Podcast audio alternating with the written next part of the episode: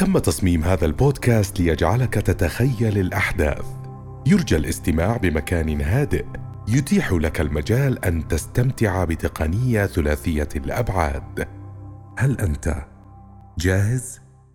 فلنبدأ الرحلة. أكثر من ثمانين قبيلة تعيش هنا. هذا ما يرويه تاريخ إثيوبيا في إفريقيا. وهذه الصخور توثق تاريخا من الصراع القبلي يعود للقرن الحادي عشر ميلاديا.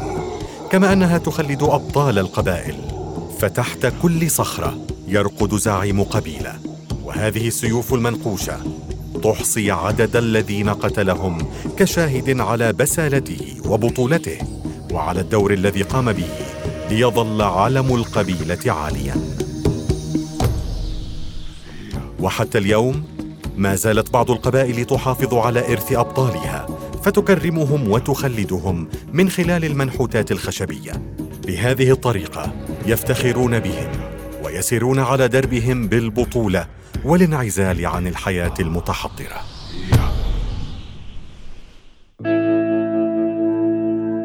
قبيلة مورسي أول من سار على هذا الدرب. فما زالوا يعيشون حياة العزلة ضمن قوانين خاصة بهم. فالعائلة تعيش حياة البساطة والطمأنينة. لا تعرف معنى الخوف طالما أنها في حماية الأبطال.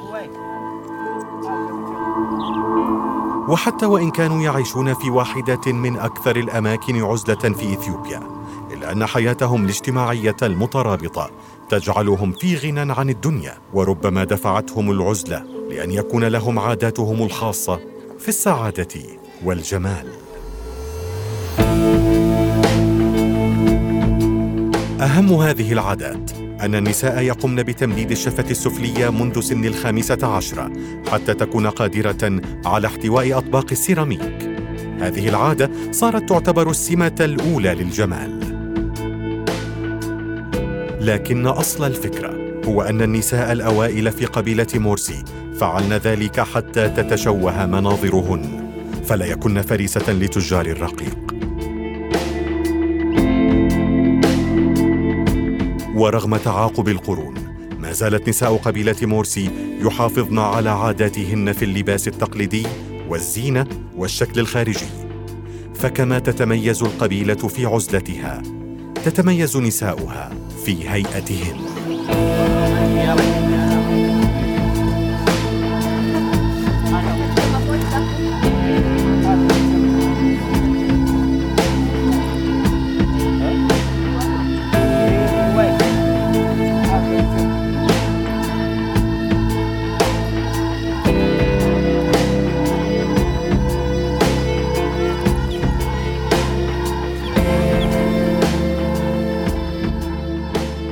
هذه الهيئة في أعين الرجال.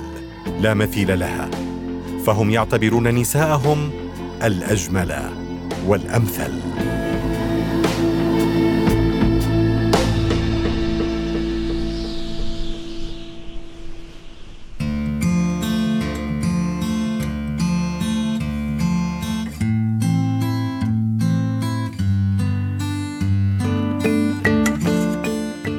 وككل المجتمعات في العالم فإن الطبخ من مهام النساء. إلا أنهن إضافة للطبخ يقمن بأدوار أساسية تساعد في استمرارية الحياة وتساعد الرجال كي يتفرغوا للمهام المطلوبة منهم.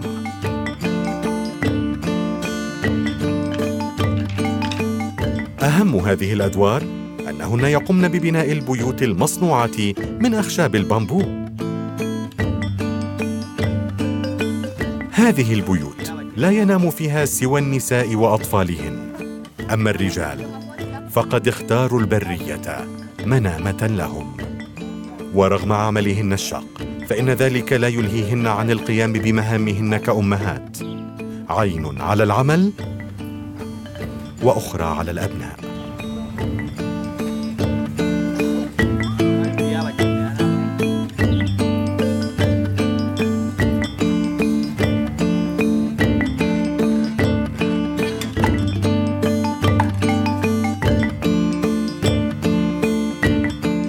تقوم النساء بسلخ جلد الأبقار ودباغته ليصنعن منه ملابس خفيفة. وبالتأكيد تبقى صناعة أطباق السيراميك على رأس مهامهن. فهي زينتهن الأولى. لذلك يولين صناعتها عناية فائقة ويبدعن في تزيينها. كأن هذه الأطباق لوحات فنية. يرسمنها فيعكسن فيها مشاعرهن وما تخفيه نفوسهن. كما أن هذه الأطباق ستصير جزءا منهن كما صارت جزءا من تاريخ القبيلة وهوية تميزها عن باقي القبائل.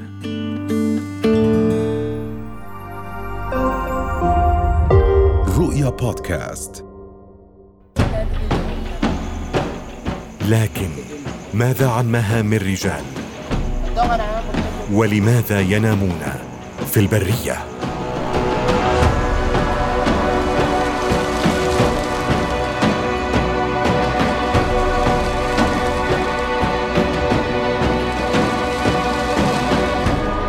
حماية حدود القبيلة هي المهمة الأولى. ففي أعراف هذه القبائل يكون لكل قبيلة حماها الذي لا يجوز الاقتراب منه أو التعدي عليه. ولطالما كانت الحمى أهم الأسباب التي أشعلت فتيل الصراعات بين القبائل. إضافة إلى حماية حدود القبيلة يقع على عاتق الرجال حماية أفراد القبيلة من الحيوانات المفترسة المنتشرة بكثرة في هذه المناطق. وكلما قتل أحدهم حيوانا وثق ذلك بخدش على كتفه ويده. قديما. كان الرجل من قبيلة مورسي إذا قتل انسانا. يوثق ذلك بوشم على صدره. لكنهم حاليا يفعلون ذلك من باب الجمال والتظاهر بالقوة. ما كانت العائلة لتشعر بالأمان لولا أن وراءها رجل يحميها؟ ولأن الزواج الخطوة الأولى لتكوين العائلة فإنه لا يتم قبل أن تثبت بطولتك في مبارزة الدونغا فالفوز بهذه المبارزة. طريقك الوحيد للفوز بقلب من ستصبح زوجتك.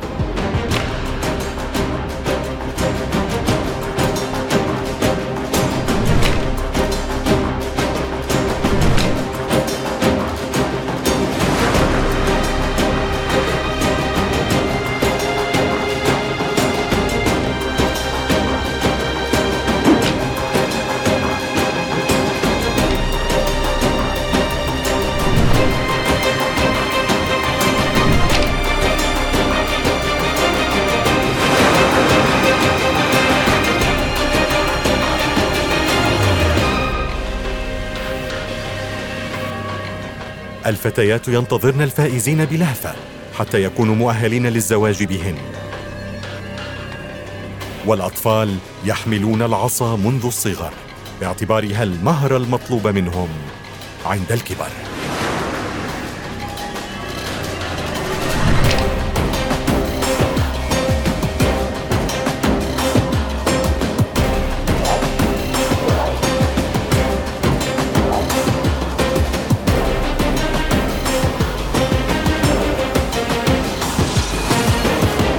زالت قبيلة مورسي على نفس الدرب محتفظة بعاداتها في الحب والحرب.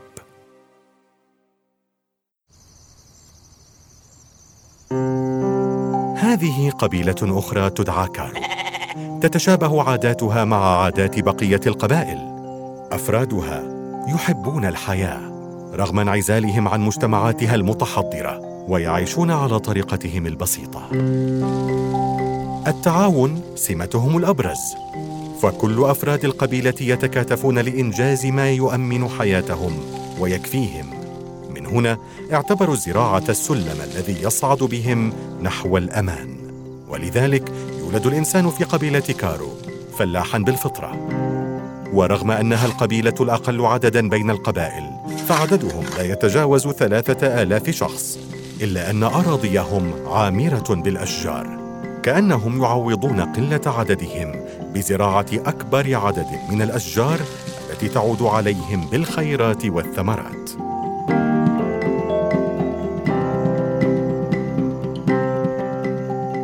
حقول الزراعة بمثابة الحاضنات التي تربي بها الأمهات صغارهن ولذلك ينشأ الطفل على الزراعة فيرضعها كما يرضع الحليب.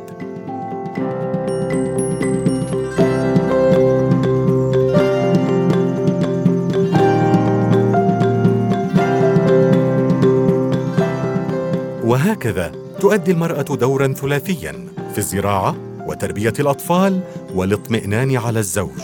الذي يقوم بدوره هو الآخر.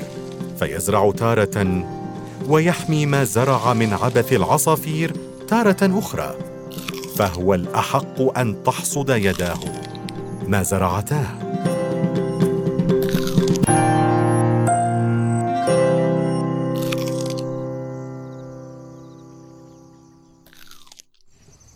إنهم يشتهرون بالرسم على وجوههم وأجسادهم.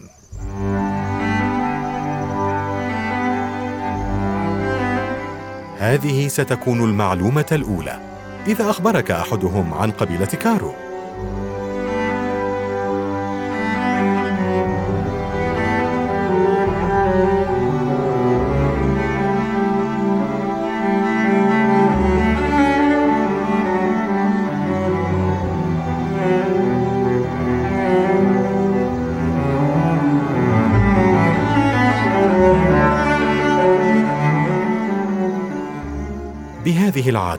تمتاز قبيله كارو عن بقية القبائل يرسمون على وجوههم وأجسادهم يوميا وفي كل يوم يختارون رسوما مختلفة باستخدام الطباشير والألوان الطبيعية والفحم. وكما يتعاونون في أمور الحياة الأساسية فإنهم يتعاونون في الأمور الترفيهية. لذلك كان التعاون الرسام الذي جعل حياتهم لوحة مزينة بالسعادة والطمأنينة.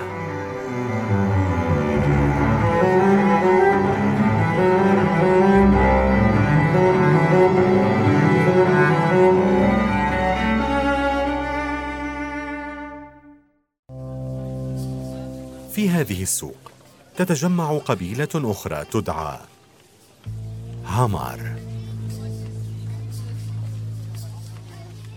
أفرادها متشابهون في هيئتهم وطريقة عيشهم. فالزينة التقليدية الخاصة بهم والمصنوعة بأيديهم لا تتغير. وتسريحة الشعر ثابتة رغم تفاوت الأعمار. والتجارة مهنتهم المشتركة التي توارثوها جيلا بعد جيل.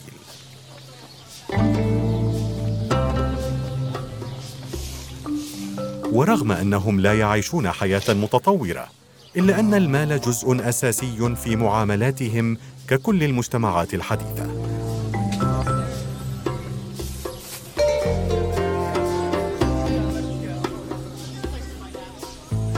للأساور في معاصم نساء قبيلة هامار؟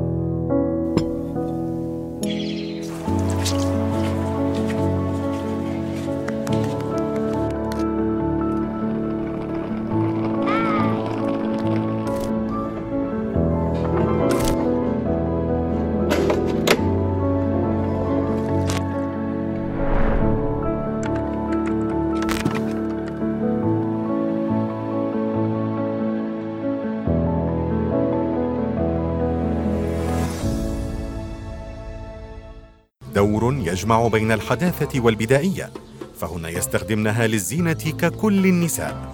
لكن الأساور إضافة للزينة تلعب دور حافظة النقود التي تحميها من الضياع.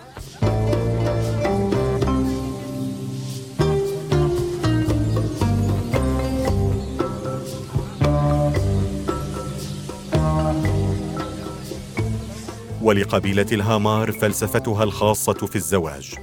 فالمهر غال جدا وقد يصل إلى ثلاثين رأسا من الماعز وعشرين رأسا من الأبقار.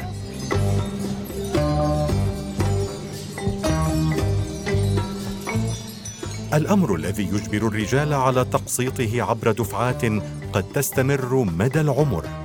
أما إذا كان الرجل مقتدرا ماديا فبإمكانه الزواج بأكثر من أربع هذا شكل القلادة التي سترتديها الزوجة إن لم تكن الأولى. أما الزوجة الأولى فهذا شكل قلادتها التي تميزها عن بقية الزوجات.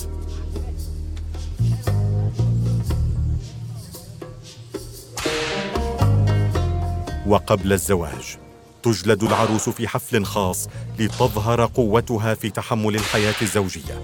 هذا من جهة. أما من جهة أخرى فإن هذا الجلد سيكون علاقة قوية بين العروس وإخوتها. فإذا تعرضت لظروف قاهرة مستقبلا سيتذكر الإخوة الألم الذي تحملته فلا يتخلون عنها.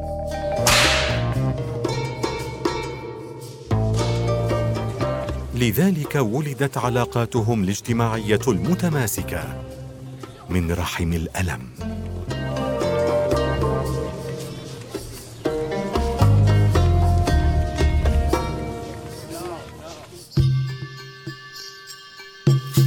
حتى وإن تشابهت تفاصيل الحياة لدى قبائل إثيوبيا فتربية الحيوانات أساسية لديهم والمرأة العاملة قاسم مشترك بينهم.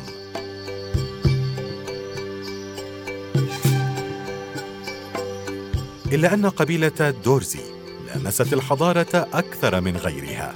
يظهر ذلك من خلال بيوتهم التي شيدت بطريقة أكثر جمالية جمعت الحاضر والماضي. ولكل بيت بابه وحدوده التي تفصله عن البيوت المجاورة.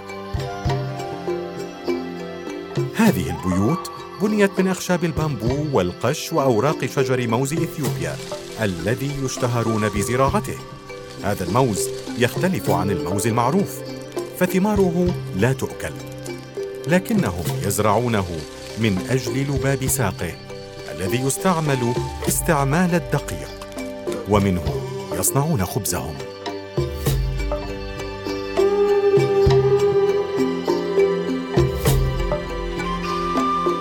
ورغم محاولة التحضر إلا أن للحياة القبلية لدى دورزي الكلمة العليا فلهم تفاصيلهم الخاصة وطباعهم الثابتة وحتى فرحتهم التي يصنعونها بأقل الإمكانيات.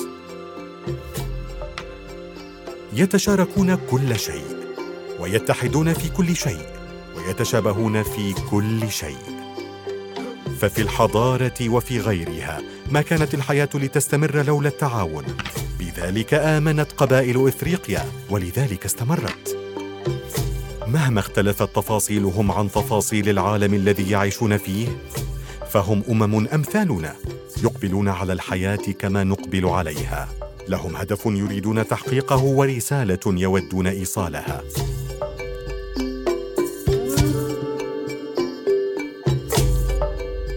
أشكالهم مختلفة.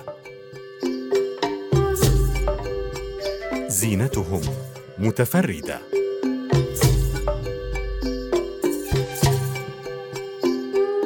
ولباسهم مغاير. غير أنهم كالجميع يؤمنون بحق العيش على الطريقة التي تسعدهم وترضيهم. تلك الطريقة التي وجدوا عليها آباءهم وأجدادهم وحتما سيورثونها لأبنائهم. ومهما علمت شيئا ستغيب عنك أشياء لأن العالم كبير.